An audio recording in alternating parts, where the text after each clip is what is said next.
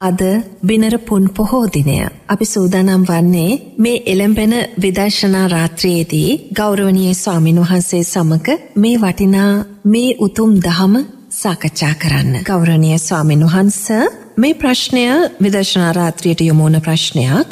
ඔහු කාලයක් තිස්සේ භාවනාවට සිත යොමු කරගන්නට උත්සාහ කරන කෙනෙක්. නමුත් යම් යම් හේතු නිසා ඔහුට භාවනාව වැඩෙන් ඇති ප්‍රශ්නයක් තියෙනවා. අපේ ස්වාමින්හස ඔහු විමසන්නේ චරිත ස්වභාවය අනුව කොහොමද සුදුසු භාවනාවක් තෝරාගන්නේ කියන කාරණය. අවසරයි අපේ ස්වාමින් වහන්ස තෙරුවන් සරණයි.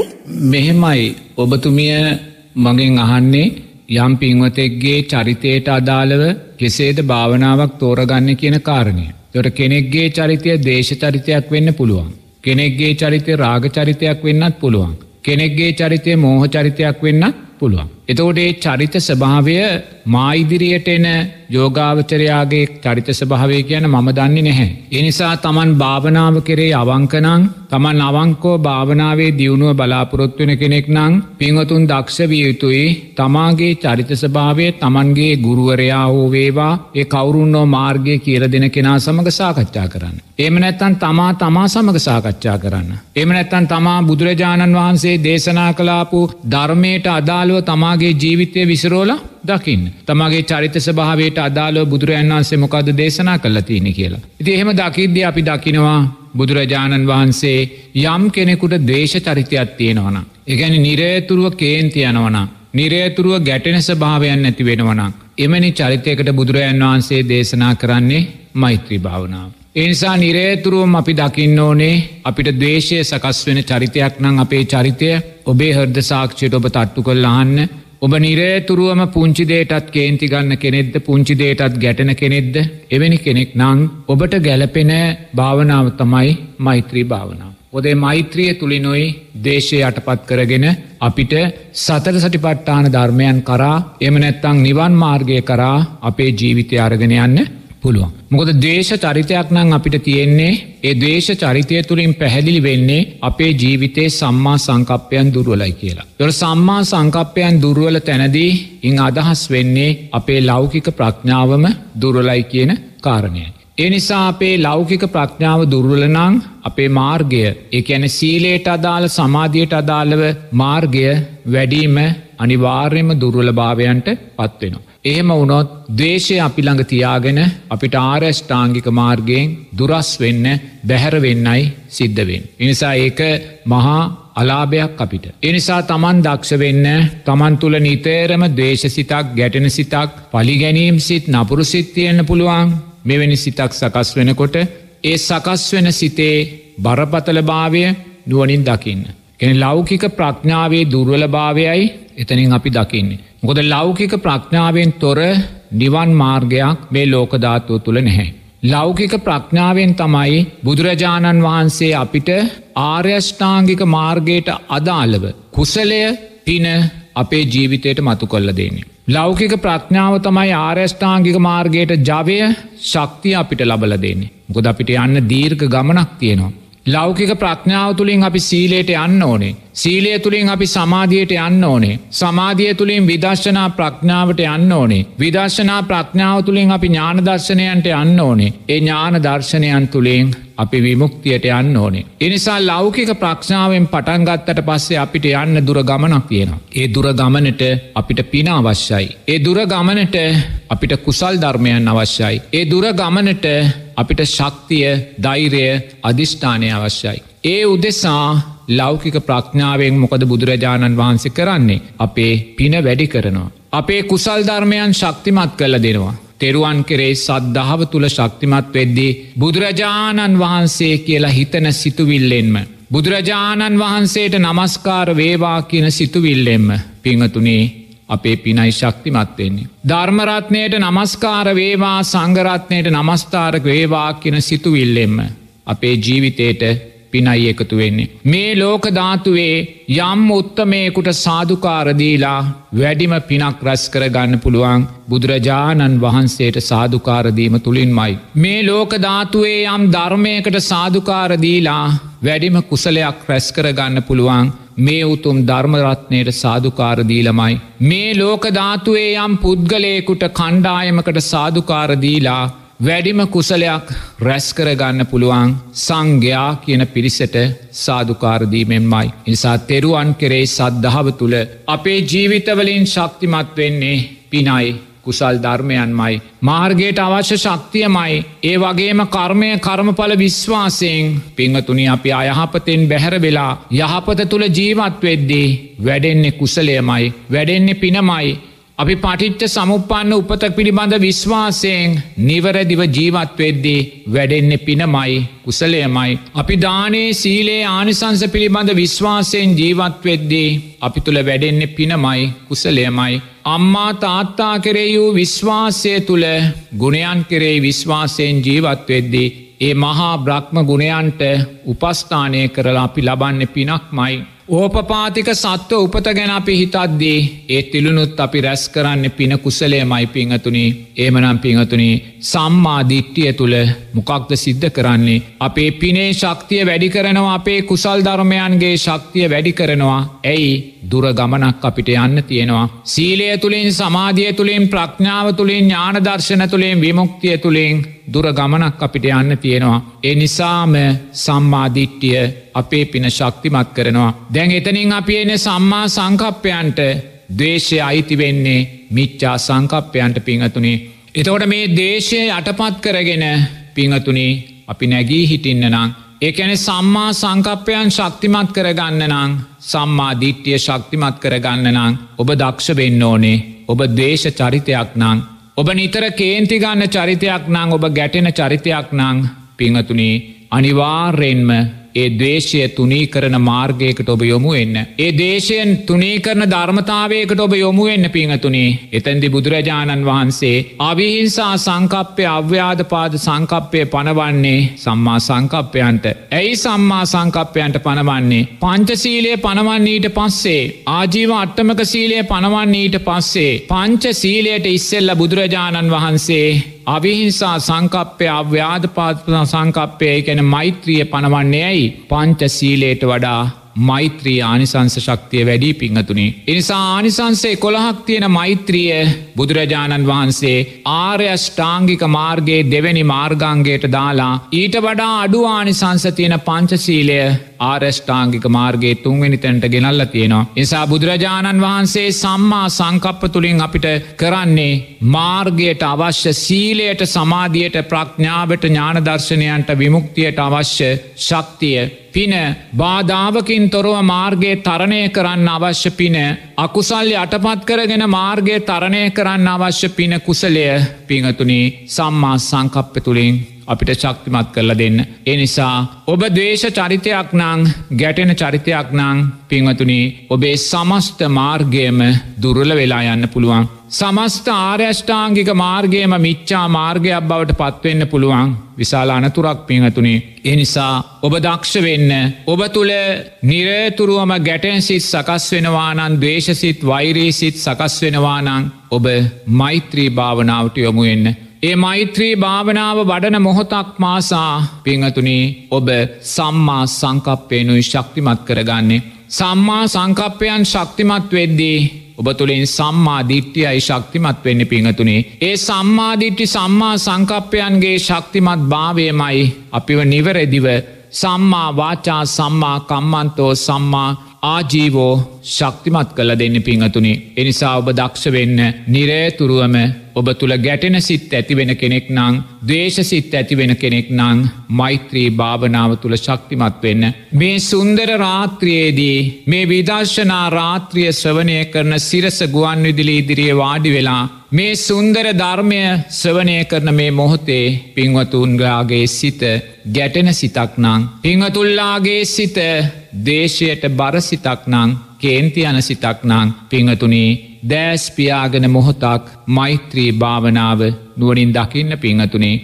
මාත් සමග මොහොතක් ඔබ මේ මෛත්‍රී භාවනාව සච්චායනය කරන්න මම කයේ දුක්දුරුවී සිතේ දුක්දුරුවී නිදුක් වෙත්වා. නීරෝගි වෙත්වා. සුවපත් වෙත්වා. මාමෙන්ම සියලූම සත්වයෝ කයේ දුක් දුරුවී. සිතේ දුක් දුරුවී. නිදුක් වෙත්වා. නීරෝගි වෙත්වා. සුවපත් වෙත්වා.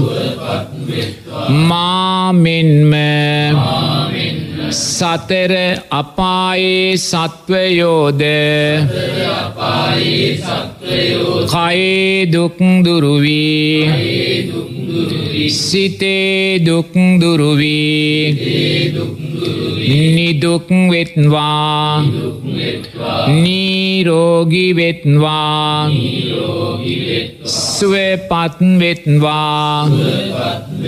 මාමෙන්ම මනුෂ්‍යයෝද කයේ දුක් දුරුවී. සිතේ දුක් දුරුවී. නිදුක් වෙත්වා නීරෝගි වෙත්වා සුවපත් වෙත්වා මාමෙන්ම දේවියෝද කයේ දුක් දුරුවී සිතේ දුක් දුරුවී නිදුක් වෙත්වා නීරෝගි වෙත්වා සුවපත් වෙත්වා. මාමෙන්ම බ්‍රහ්මයෝද කයේ දුක් දුරුවී සිතේ දුක් දුරුවී. නිදුක් වෙත්වා. නීරෝගි වෙත්වා. සුවපත් වෙත්වා. මාමෙන්ම සතර අපායේ සත්වයෝද? මනුෂ්‍යයෝද? දේවියෝද? බ්‍රහ්මයෝද? කයේ දුක් දුරුවී? සිතේ දුක් දුරුවී? නිදුක් වෙත්වා නීරෝගි වෙත්වා සුවපත් වෙත්වා මාමෙන්ම දස්ස දිසාවේම සත්වයෝ කයේ දුක් දුරුවී සිතේ දුක් දුරුවී නිදුක් වෙත්වා. නීරෝගි වෙත්වා. ස්වපත් වෙත්වා.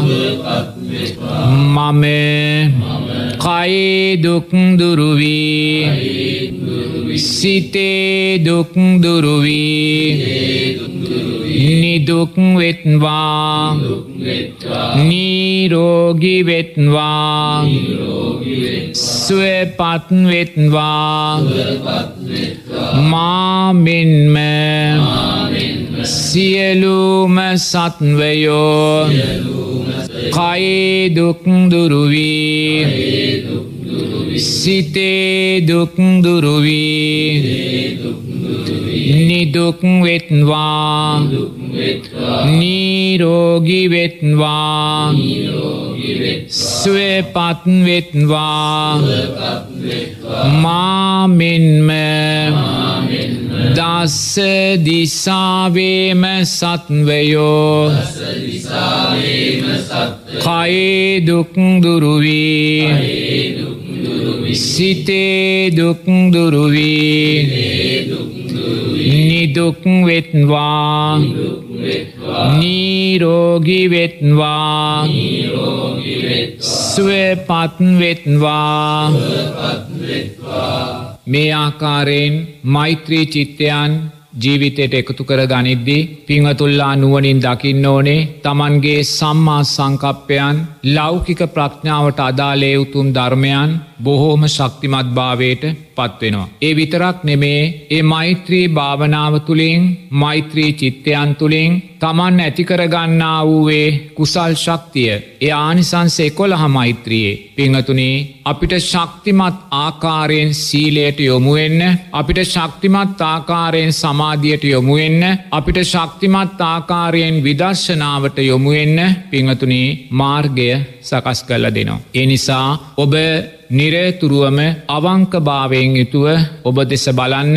අවංකභාවයෙන් යුතුව ඔබ දෙස බලලා ඔබ තුළ දේශ සිතක් නං සකස්වීමට බර වැඩි. ඔබ සිත කේන්ති යන ස්භාවෙන් යුක්තනං අප කෙරේ අනුකම්පාවෙන් නිරේතුරුව පිංහතුනේ මෛත්‍රී භාවනාව සෑම උදෑසනකම සෑම රාත්‍රියකම විතරක් නෙමේ විවේකීව ඉන සෑම මොහොතකම සියලු සත්‍යයෝ සුවපත් වේවා කියලා නුවනින් දකිමින් ජීවත් වෙන්න එය පිංහතුනී පිංහතුල්ලාගේ උතුම් ලෞකික ප්‍රඥාව ශක්තිමත් කරගෙන ආර්යෂ්ඨාංගික මාර්ගය නිවන් මාර්ගය ශක්තිමත් කරගන්න උතුම් ශක්තියක් වෙනවා. ඒ වගේම තවත් පිංවතෙක්කින්නවා. එයාට තියෙන්නේ රාගචරිතයක්.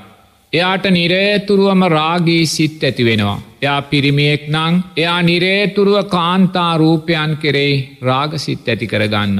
එයා කාන්තා පක්ෂය කෙනෙක් නං එයාට සමහර වෙලාට පිරිමි පක්ෂය කරේ රාගී සිත් ඇතිවෙන්න පුළුවන්. එවැනි රාගී සිත් අපි තුළ ඇතිවෙනවනං අපි නිරේතුරු අපි දකිින් ඕනේ අපිට තියෙන්නේ රාගසිතක් කියලා. මොකද අපි තුළ රාගසිත් ඇතිවෙනවනං මෛත්‍රී භාවනාව අපිට ගැලපෙන් නෑපින්හතුනි. රාගසිත් ඇතිවෙන කෙනා මෛත්‍රී භාවනාව පුහුණු කළොත් ඒ මෛත්‍රිය නිසාම අපි ඒ රාගසිත් නිසා බැඳීම් ඇතිකරගන්න දිසාවන්ට යන්න පුළුවන්. එනිසා රාගසිත් ඇතිවෙන කෙනා රාග චරිත තියෙන කෙනා මෛත්‍රී භාවනාව වැඩීම සුදුසු නැහැ රාග චරිත සියන කෙනා නිරේතුරුවම කායානු පස්සනාවට අදාළව භාවනාවක් ජීවිතය තුළින් පුහුණු කරන්න ඕනි පිංහතුනි. එනිසා ඔබ තුළ තියෙන්නේ නිරේතුරුවම කාමයට අදාළ සිත්නං ඔබ නිරේතුරුව දක්ෂ වෙන්න පිංහතුනේ එවැනි සිතුවෙලි නිසා අනිවාර්යෙන්ම අපේ ලෞකික ප්‍රඥාව දුර්වල වෙලා යනවා පිංහතුනි. ඒ කාම සිත් නිසා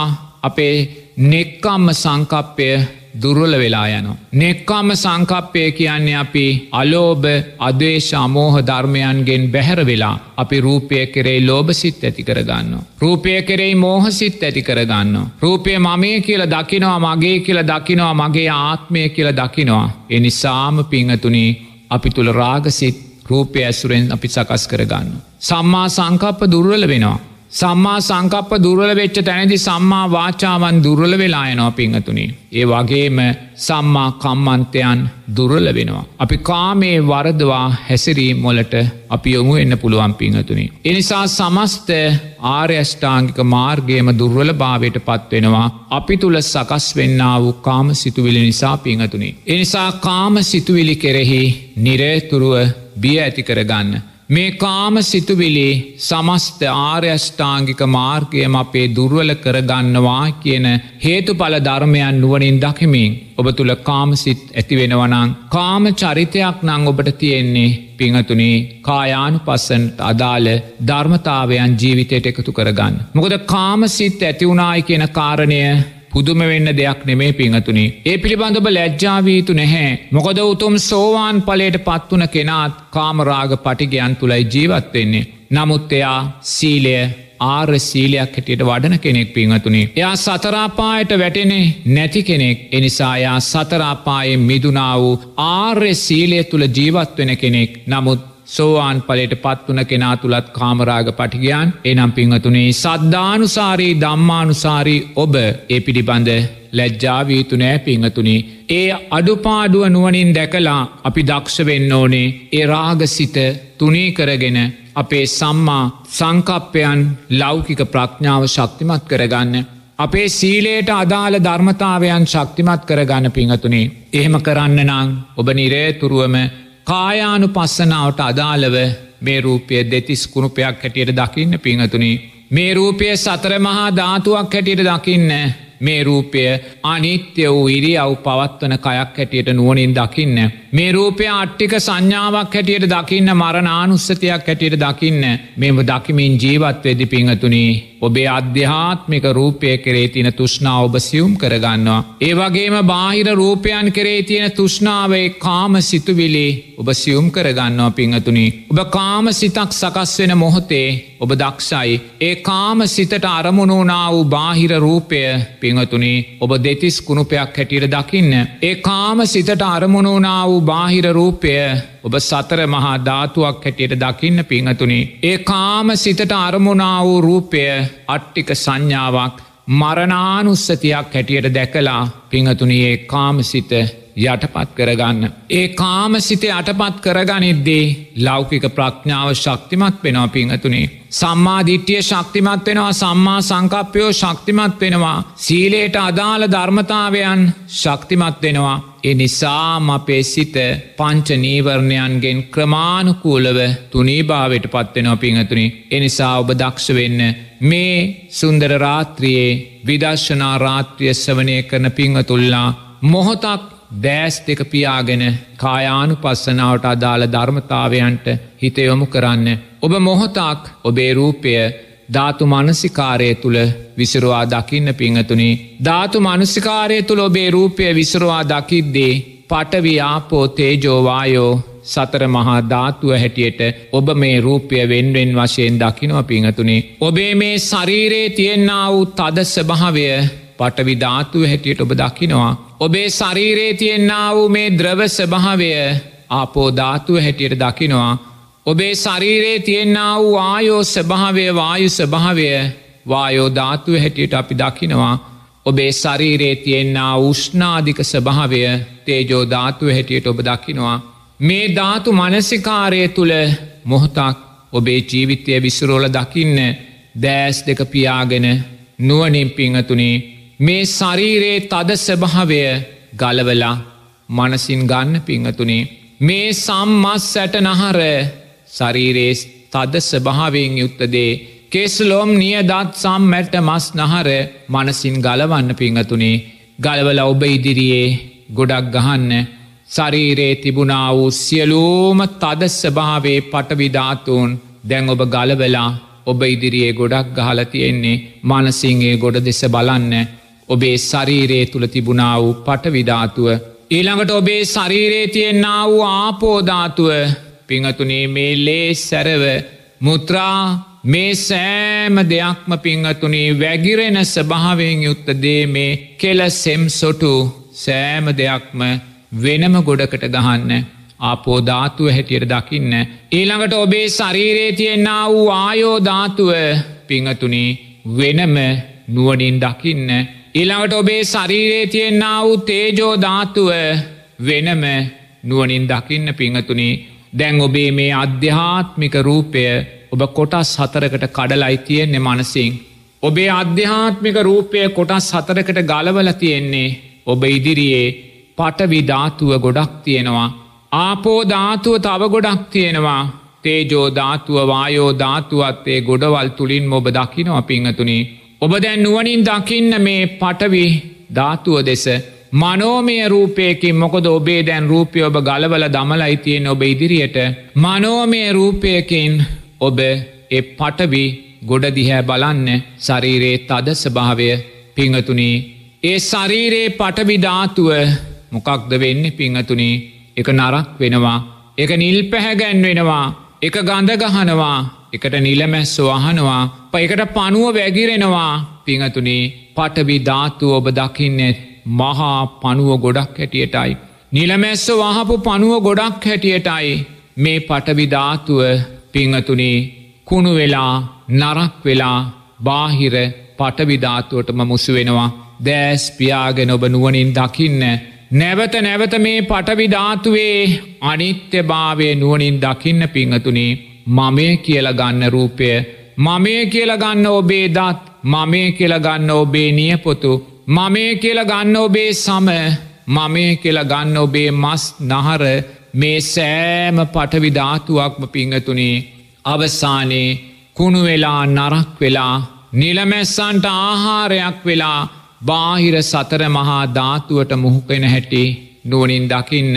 ඔබේ අධ්‍යාත්මික පටවිධාතුවත් බාහිර පටවිධාතුවත් එකම ස්භාවේ පටවිධාතුවක් හැටියට නුවනින් දකින්න කවදාහරි දවසක අපි මිය ගිහිල්ලා මේ දේහය මහපොළවට පස්කරපු වෙලාවේ පිංහතුනේ අපේ අධ්‍යාත්මික පටවිධාතුවත් බාහිර පටවිධාතුවත් එකමැස්ස භාවේ පටවිධාතුවක් වෙනව පිංහතුනේ.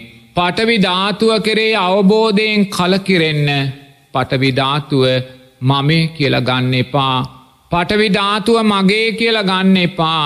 පටවිධාතුව මගේ ආත්මය කියල ගන්න එපා. පටවිධාතුව තුළ මම ඉන්නවා කියල ගන්න එපා. මා තුළ පටවිධාතුව තියෙනවායි කියල ගන්න එපා. පටවිධාතුව නිත්‍යයි සුබයි සැපයි ආත්මයි කියල ගන්න එපා පිංහතුනේ පටවිධාතුව අයිති කුණුවීමටමයි. පටවිධාතු අයිති ගඳ ගැසීමටමයි. පටවිධාතු අයිති නිලමැස්සන්ටමයි පටවිධාතු අයිති මහපොලවේ පසටමයි පිංහතුනේ. පටවිධාතුව කෙරේ අවබෝධයෙන් කලකිරෙන්න. ඊළඟට ඔබ ආපෝ ධාතු ගොඩ දෙස බලන්න. ඔබේ රූපයයි ඔබ මනසින් ගැලෙව්වේ. දැම් මේ ආපෝ ධාතුව තුළ තියෙන්නේ කුමක්ද පිංහතුනේ? ඔබේම ලේටික ඔබේම කෙලටික ඔබේම සෙම් සොටු මුත්‍රාටික පිංහතුනේ. මේ සෑම ආපෝධාතුවක්ම කුමක්ද වෙන්න පිංහතුනේ මේ ආපෝධාතුව කුණු වෙනවා ගඳගහනවා නරක් වෙනවා නිලමැස්ස වහනවා පනුව ගහනවා පිංහතුනේ අවසානයේ බාහිර සතර මහා ධාතුවටම එකතු වෙනවා. බාහිර පටවි ධාතුවටම මුහුවෙනවා බාහිර ආපෝ ධාතුවටම මුහුවෙනවා පිංහතුනේ නුවනින් දකින්න ඔබේ ශරීරයේ ඔබ සෙම ගත්තත් සොටු ගත්තාත් මුත්‍රාගත්තාත් රුදිරය ගත්තාත් පිංහතුනේ මේ සෑම දියරස භාවයක්ම මම කියල ගන්නවා. මගේ කියල ගන්නවා මගේ ආත්මය කියල ගන්නවා යාත්මය තුළ මම ඉන්නවායි කියලක් ගන්නවා පිංහතුනේ. මේවා සැපයි සුබයි නිත්‍යයි ස්තීරයි කියල ගන්නවා අරගෙන අපි මේ ආපෝ ධාතුව නිසාම පිංහතුනී අපි නැවත නැවත නැවත නැවත අකුසල් සංස්කාරයෝ ජීවිතයට එකතු කරගන්නවා. දැන් ඔබ නුවනින් දකිද්දී මොකක්ද මේ ආපෝ ධාතුව කියල ඔබ දකින්නේ කුණුවෙන ආපෝධාතුවක් නරක්වෙන ආපෝධාතුවක් ගඳගහන ආපෝධාතුවක් නිලමැස්සන්ට අයිති ආපෝධාතුවක් බාහිර ආපෝධාතුවටම මුහුවෙන ආපෝධාතුවක් පිංහතුනේ ඔබේ ශරීරයේ ආපෝධාතුව කෙරෙයි අවබෝධයෙන් කලකිරෙන්න ඉළඟට ඔබ තේජෝධාතුව නුවනින් දකින්න ඔබේ ශරීරයේ උෂ්නාධික ස්භාවය උෂ්ණ ස්භාවය පිංහතුනේ මේ උෂ්ණ ස්භාවය පහවෙච්ච තැනදී අපේ ජීවිතයෙන් ආයුෂයත් පටිච්ච සමුපන්න විඤ්ඥානයත් පහව යනෝ පිංහතුනේ. අපේ මේ ජීවිතය ආරක්ෂා කර දෙන එක ධර්මතාවයක් තමයි මේ උණුස්සුම කියන්නේ මේ උණුස්සුම ඔබට අයිති දෙයක් නෙමේ. මේ උණුස්සුම තුළ මම කියන කාරණයක් මගේ කියන කාරණයක් මගේ ආත්මය කියන කාරණයක් ඔබ දකින්න එපා. මේ උණුස්සුම කෙරෙයි ඔබ තුෂ්නාවෙන් බැඳෙන්නේ පාපිංහතුනී අපි උණුස්සුමට ගොඩා කාදරය කරනවා. පෙම්වතාගේ උණුසුම පෙම්වතියගේ උණුසුම බිරිඳගේ සාම්පුරුෂයාගේ උණුසුම දවා දරුවන්ගේ මව් දෙමාපියන්ගේ උණුසුමට අපි ගොඩාක් කාදරය කරනවා. ගොඩාක් ලෙන්ගතු වෙනවා ගොඩාක් තුෂ්නාවෙන් බැඳෙනවා ඒ උණුස්සුම මමේ කියල දකිනවා. ඒ උණුසුම මගේ ආත්මය කියල දකිනවා. ඒ උණුසුම නොවේ නස් වෙන්න උණුසුමක් හැටියට දකිනවා නමිත් පිංහතුනේ මේ ජීවිතේ හුස්මටික බැහැරවෙන මොහොතේ ආයුෂය බැහැරවෙන මොහොතේ පිංහතුනේ මේ ශරීරයේ තේජෝධාතුව අයිතිවෙන්නේ බාහිර තේජෝධාතුවටමයි. මේ ශරීරයේ තේජෝධාතුව බාහිර තේජෝධාතුවටම මුහුවෙනවා පිංහතුනේ නුවනින් දකින්න ඊළඟට ඔබ ශරීරයේ වායෝධාතුව ගන්න ශරීරයේ උඩ ස්භාවේ උඩුවාතය යටිවාතය මේ ආකාරයෙන් ශරීරයේ පුරාදුවනේ වාත ස්භාවය පිංහතුනී ඔබට අයිති දෙයක් නෙමේ. ඒවාත ස්භාවය තුළ මම මගේ මගේ ආත්මය කියලා ඔබ ගන්න එපා. නිත්‍යයි සැපයි සුබයි ආත්මයි කියල ඔබ ගන්න එපා පිංහතුනී මේ වාත ස්භාවය කවදාහරි දවසක ශරීරයෙන් බැහැරට යන මොහොතේ ආශ්වාස ප්‍රාශ්වාසය තුළින් ශරීරයෙන් බැහැරට යන මොහොතේ වෙනයම් කටයුතු තුළින් කනින් වේවා ඇසෙන් වේවා දෝමාර්ගයෙන් වේවා මුත්‍රා මාර්ගයෙන් වේවා මොකයෙන් වේවා නාස්සයෙන් වේවා මේවායුව බාහිරට යොමු එන මොහොතේ බාහිරවායෝ ධාතුවටම එකතු වෙනවා. බාහිරවායෝ ධාතුවත් අධ්‍යාත්මික වායෝ ධාතුවත් අතර වෙනසක් දකින්න නෑ පිංහතුනේ එකම ස්භාවේ වායෝ ධාතුවක්මයි. එනිසායේ වායෝ ධාතු ඔබ මමේ කියලා මගේ කියලා මගේ ආත්මය කියලම බගන්න පාපිංහතුනේ සතර මහා ධාතුව කෙරෙයි අවබෝධයෙන් කලකිරෙන්න පටවිධාතුව කෙරෙයි තුෂ්නාවක් ඇතිවෙද්දී ඒ පටවිධාතුවානිත්‍යූ ධාතු මනසිකාරය තුළ විසරෝල දකින්න. ආපෝ ධාතුව තුළින් ඒ වගේම තේජෝවායෝ ධාතුවන් තුළින් කෙරෙහි තුෂ්නාවක් ඇතිවෙද්දී පිංහතුනී ධාතු මානසිකාරය තුළ විසරෝල දකින්න ඒ දකින මොහොතේ පිංහතුනී රාගසිත්වලට ඔබ වැට බැන්ඩ වෙනවා. රාගසිත්ති අටපත් වෙලා යනවා රාග සිතට දියවුතු ශේෂ්ඨම ෞෂදය ඔබ දුන්න වෙනවා පිංහතුනේ ඒ නිසා පින්වත් යම් කෙනෙකුට නිරේතුරුවම රාගසිත් පීඩා කරනවනං. එවැනි රාගසිත් සකස් වෙන කෙනෙක් සුදුසු කමටහන් හොයෙනවනං ඊට ඔබට ගැලපෙන කමටහන තමයි කායානු පස්සනට අදාළ ඒ ධර්මතාවයන් පිංහතුනේ. මෝහ චරිතයක් කියල කිව්ව පිංහතුනේ බුදුරජාණන් වහන්සේ කෙරෙයි සද්ධාව දුරුවලයි. ධර්මරත්නය කෙරෙයි සද්ධාව දුරුවලයි.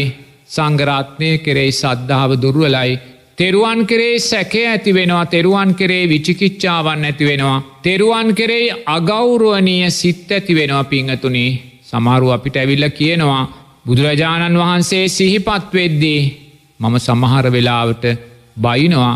බුදුරජාණන් වහන්සේ සිහිපත් වෙද්දී උන්වහන්සේට අගෞරුව කරන්න හිතෙනවා. මෙහෙම ඇවිල් අපිට කියනවා. වර්තමාන සමාජයේ සංඝයා සමග බලවත් ගැටෙන සිත් අපි දකිනව පිංහතුනේ.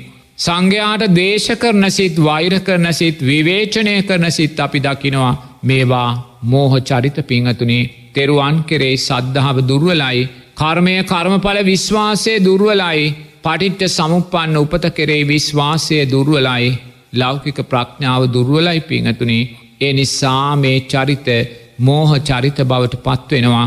එනිසා තෙරුවන් කෙරේ සද්ධාව දුර්වල චරිත තියෙනවා නං පිංහතුනේ ඒවා සංසාරයක් පුරාවට අපි බුදුරජාණන් වහන්සේලා තෙරුවන් සැකකිරීම නිතා ඇස්තුනා වූ ධර්මතාවයන්මයි. සංසාරයේ මිත්‍යා දෘෂ්ටික භාවයන් ලැබීම නිසා ඇතිවෙන්න වූ ධර්මතාවයන්මයි. ඒ වගේම සංසාරයේ අසප්පුරුෂ ආශ්‍රයන් ලැබීම නිසා ඇති වුණා වූ ධර්මතාවයන්මයි එනිසා පිංහතුනී ඔබ තුළ තෙරුවන් කෙරේ අසද්ධාව ඇතිවෙන මෝහ සිතුවිලි ඇතිවෙනවනම් මෝහ චරිතයක් ඔබට තියෙනවනං ඒ ගැන ඔබ පසුතැවෙන්න අවශ්‍ය නැහැ ඔබ නිරේතුරුවම බුද්ධානුස්සතිය ජීවිතයට එකතු කරගන්න. දම්මානුස්සතිය ජීවිතයට එකතු කරගන්න සංගානුස්සතිය ජීවිතයට එකතු කරගන්න පිංහතුනි. නිරේතුරුවම දෑස් දෙක පියාගෙන විවේකිව ඉන්න වෙලාවට බුදුගුණයක්ම සිහිපත් කරන්න. ධර්මරත්නය ගුණයක්ම සිහිපත් කරන්න සංගරත්නයේ ගුණයක්ම සීපත් කරන්න. බුදුරජාණන් වහන්සේ සිතින් මවාගෙන සාධකාර දෙන්න. ධර්මරත්නය සිතින් මවාගෙන සාධකාර දෙන්න. සංගරත්නය සිතින් මවාගෙන සාධකාර දෙන්න. නිරේතුරුව පිංහතුනේ මෝහෙන් බැහැරවෙන දිසාවට ඔබේ සද්ධාව ශක්තිමත් කරගන්න පිංහතුනේ. ඔබට මෝහසිතක් තිබෙනවා නං තෙරුවන් කෙරේ සැකය විචිකිච්චාව තියෙනවනං ඔබ ඔබ කෙරෙහි අනුකම්පාවෙන්. මොකද ඔබ ගමන් කරන්නේ මිත්‍යා දෘෂ්ටිය දිසාවටයි පිංහතුනේ මිත්‍යා දෘෂ්ටිය මේ ලෝක ධාතුව තුළ තියෙන බලවත් අනතුරක් බලවත් දුකක්. එනිසායේ දුකේ ස්භාවය ඔබ නුවනින් දැකලා නිරේතුරුවම මෝහසිත් සකස් වෙද්දී බුද්ධානුස්සතිය දම්මානුස්සතිය සංගානුස්සතිය තුළ ශක්තිමත් වෙන්න මේ සුන්දර රාත්‍රියයේ මේ විදර්ශනා රාත්‍රිය සවනය කරන පිංහතුල්ලා සිරස ගුවන් විදුලිය ඉදිරිය වාඩි වෙලා දෑස්පියාගෙන මොහොතක් පිංහතුනේ මෝහය දුරු කරන සද්ධාව ශක්තිමත් කරන නිවන් මාර්ගයට ජවය දෙන ලෞකික ප්‍රඥාවට ජීවිතය දෙන තෙරුවන් කෙරෙයි සද්ධාව තුළ ඔබේ ජීවිතය ශක්තිමත් කරගන්න දෑස්පියාගෙන මොහොතක් බුද්ධානුසතිය වඩන්න මංකිව්වාට පස්සේ ශබ්දනගල කියන්න සාමීනී. භාග්‍යවතුන් වහන්ස. ඔබ වහන්සේ.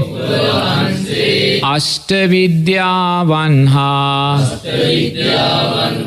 පස්සලොස් චරණ ධර්මයන් මනාකොට දත්හෙයින් විජ්ජාචරණ නම්වන සේක. සාමීනී. භාග්‍යවතුන් වහන්ස. ඔබ වහන්සේ. මනා ගමන් නැතිහෙයින්ද නිවන්පුරයට පැමිණිහෙයින්ද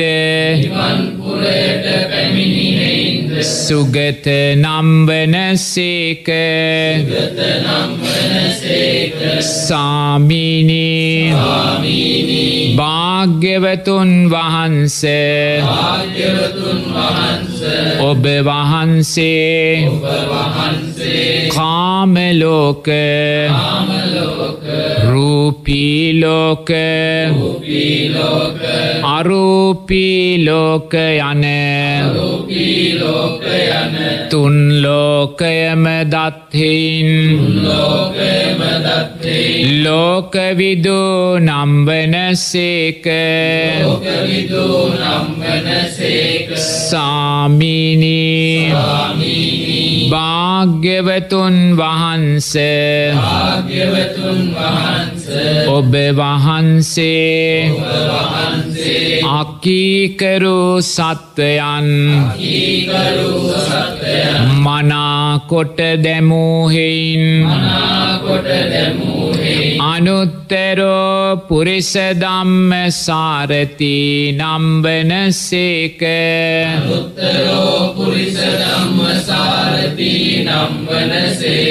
සාමීනී භාග්‍යවතුන් වහන්ස ඔබ වහන්සේ දෙවියන් සහිත වූ තුන් ලෝකයාටම අර්ථයෙන් ධර්මයෙන් අනුශාසනා කරන ලදහින් සත්තාදේව මනුස්සානම්වන සේක.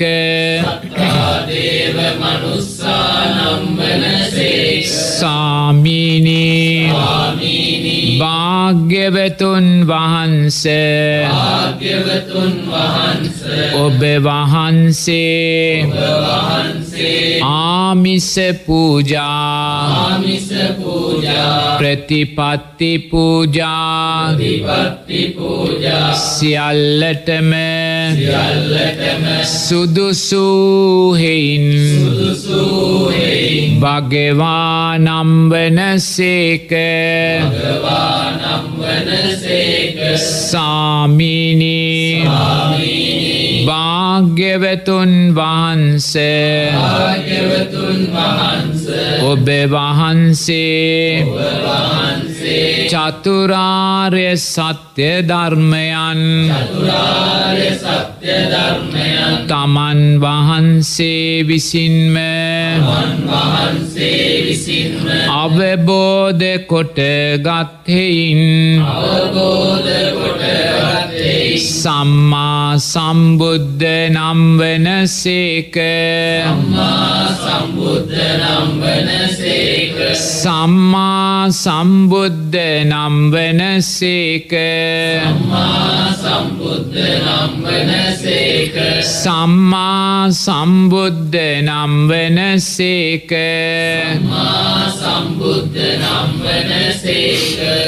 පිංහතුනී පිංහතුල්ලාට වැටහෙන ආකාරයෙන් පිංහතුල්ලාට තේරෙන ආකාරයෙන් නිරතුරුවම ඒ බුදුරජාණන් වහන්සේ ගුණයන් සිහිපත් කරන්න ඒ ගුණයන් සච්චායනය කරන්න ඒ ගුණයන් මෙනෙහි කරන්න ඒ ගුණයන් සමඟ ජීවත් වෙන්න ඒ වගේම ධර්මරත්නයේ සංගරත්නය අනන්ත වූ ගුණයන් තුළ ජීවත්වෙන්න එම ජීවත්වෙද්දි පිංහතුනී තෙරුවන් කෙරේ වූ සැකය තෙරුවන් කෙරේ වූ විචිකිච්චාව තෙරුවන් කෙරේ වූ අගෞරුවනීය සිත් ඒවගේම වර්තමානයේ අපිට සංඝයාට චෝදනා කරන්න සකස් වෙන හිත් ධර්මය විකෘති කරන්න සකස් වෙන හිත් බුදුරජාණන් වහන්සේට අගෞරුව කරන්න සකස් වෙන හිත් මේවා යට පත් කරගෙන පිංහතුනේ අපි ලෞකික ප්‍රඥාව ශක්තිමත් කරගෙන අපේ ආර්යෂ්ඨාංගික මාර්ගය ජව සම්පන්න කරගෙන පිංහතුනි අපිට විදර්ශනානුවන තුළින් සම්මාඥානයන් ඒ වගේම උතුම් සම්මා විමුක්තියෙන් සාක්ෂාත් කරගන්න දිසාවට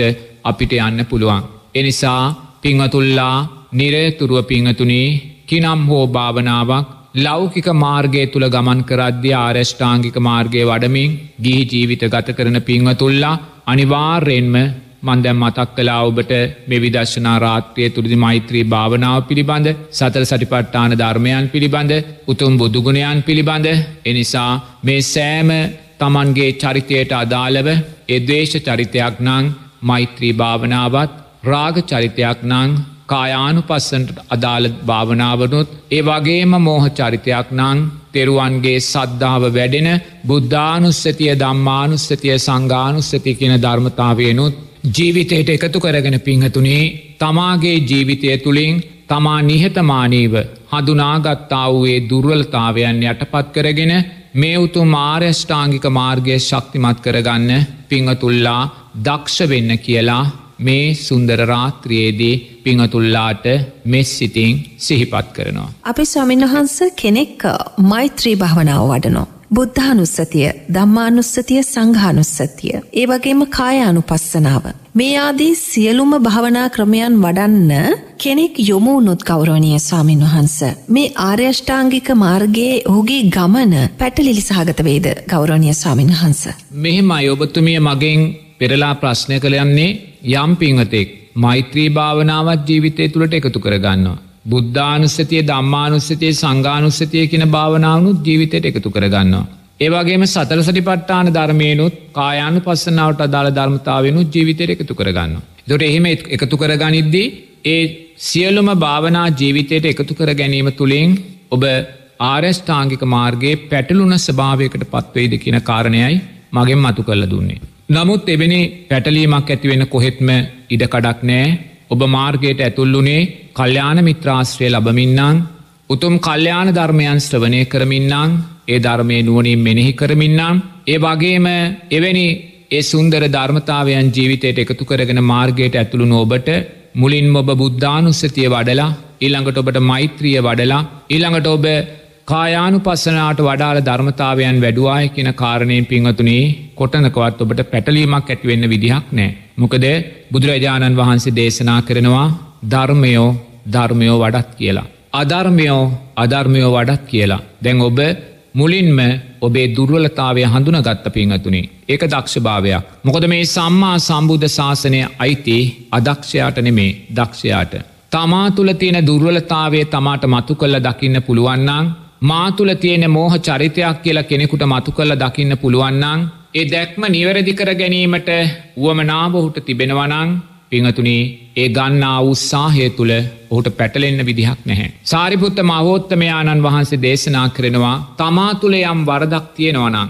මෝහේට අදාළව රාගයට අදාළව ඒවාගේම දේශයට අදාළව ඒ වරද වරද හැටියට තමා දකිනවනං පිංහතුනේ එයා කවදා හරි දවසක ඒ වර්දෙන් මිදෙනවා කියලා. මොකද එයා වරද හඳුනගත්ත කෙනෙක් වරද දැක්ක කෙනෙක් තමා තුළ තියෙන වරද දකින්න තමා තුළ තියෙන වරද හඳුනගන්න පිංහතුනේ නිහතමානී කමනැත්තං අපිට පුළුවන්කමක් නෑ පිංහතුනේ.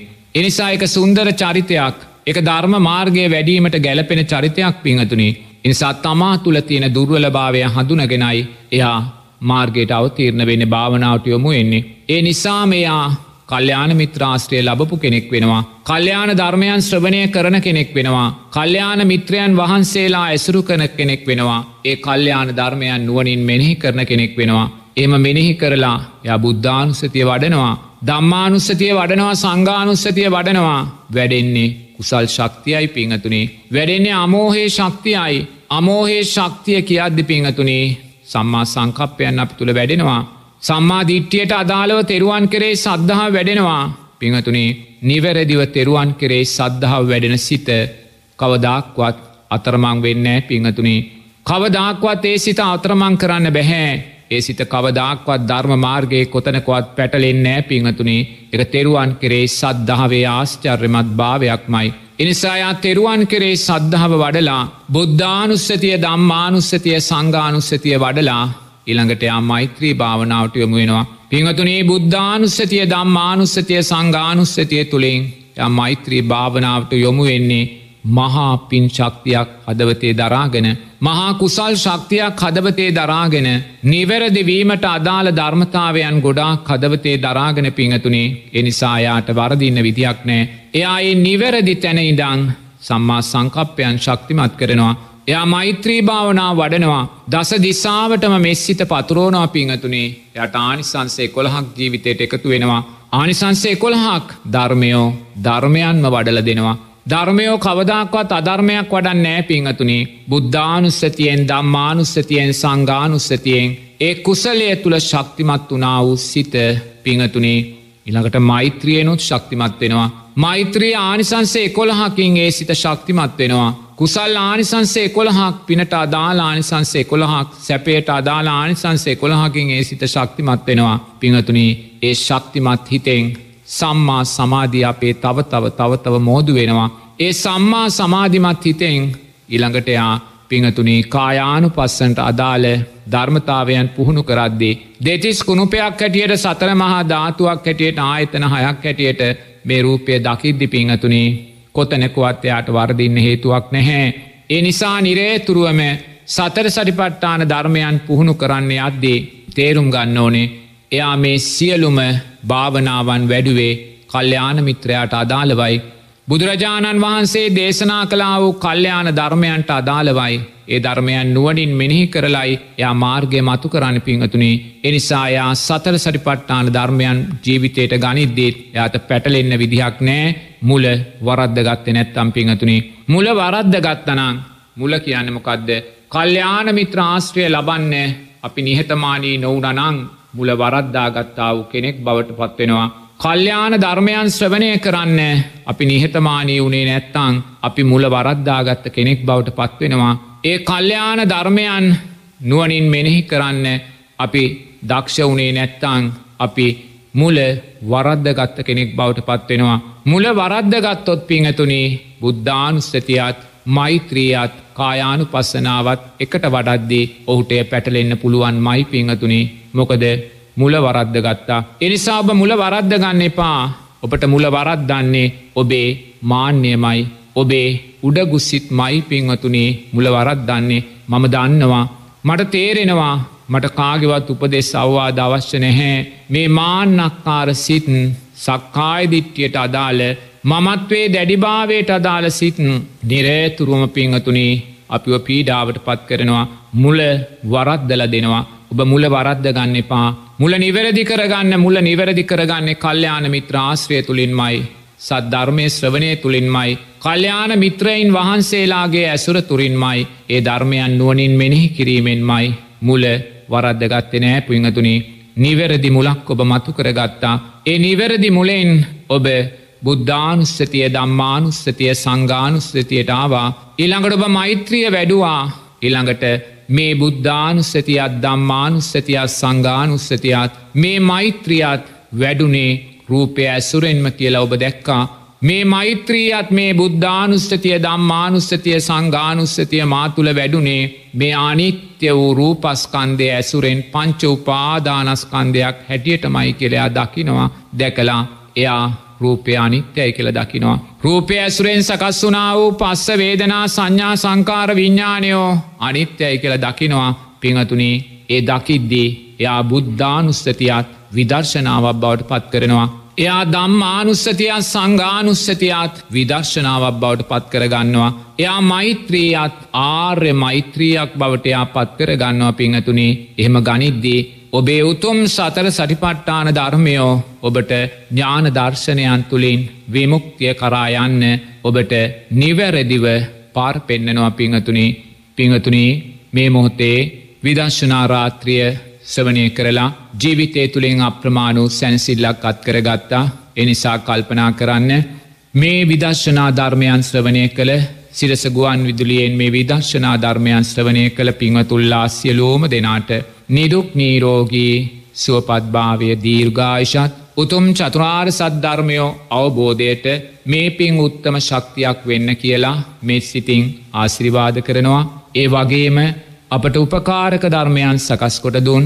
ඒ පින්වත් ශාලිකා මහත්මියටත් පින්වත් ශාරද මහත්මයාටත් සිරස ගුවන් විදුලියේ ඒ ප්‍රධානී පින්වත් සජිත් රත්නායක මහත්මයා ඇතුළු කාර්මණ්ඩලේ සියලූම පිංහතුල්ලාටත් නිදුක් නීරෝගී සුවපත්භාවය දීර්ඝාශත් උතුම් චතුරාර් සද්ධර්මයෝ දැකීම අවබෝධයට මේ පින් උත්තම ශක්තියක් වේවා.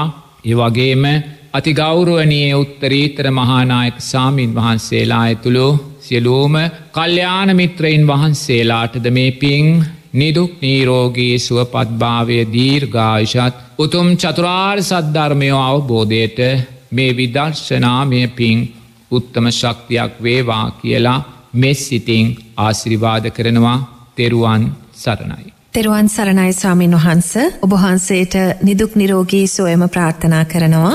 මේ විදර්ශනා රාත්‍රයේදී බොහෝ දෙනාගේ සිත් වසාගත් ඒ අඳුරු පැහැ අකුසල් දුරුවී යන්නට ඇති ඒවගේම ඒ අඳුරු පැහැ අකුසල් දුරු කරන්නට අවශ්‍ය කරන වීර්ය වැඩෙන්න්නට ඇති. ඒ සියලු කුසලයන් ඔබහන්සේගේ නිරෝගී සුවය වෙනුවෙන්ම හේතු ඒවා කියල ස්වාමින් වහන්ස අපි ප්‍රාර්ථනා කරනවා.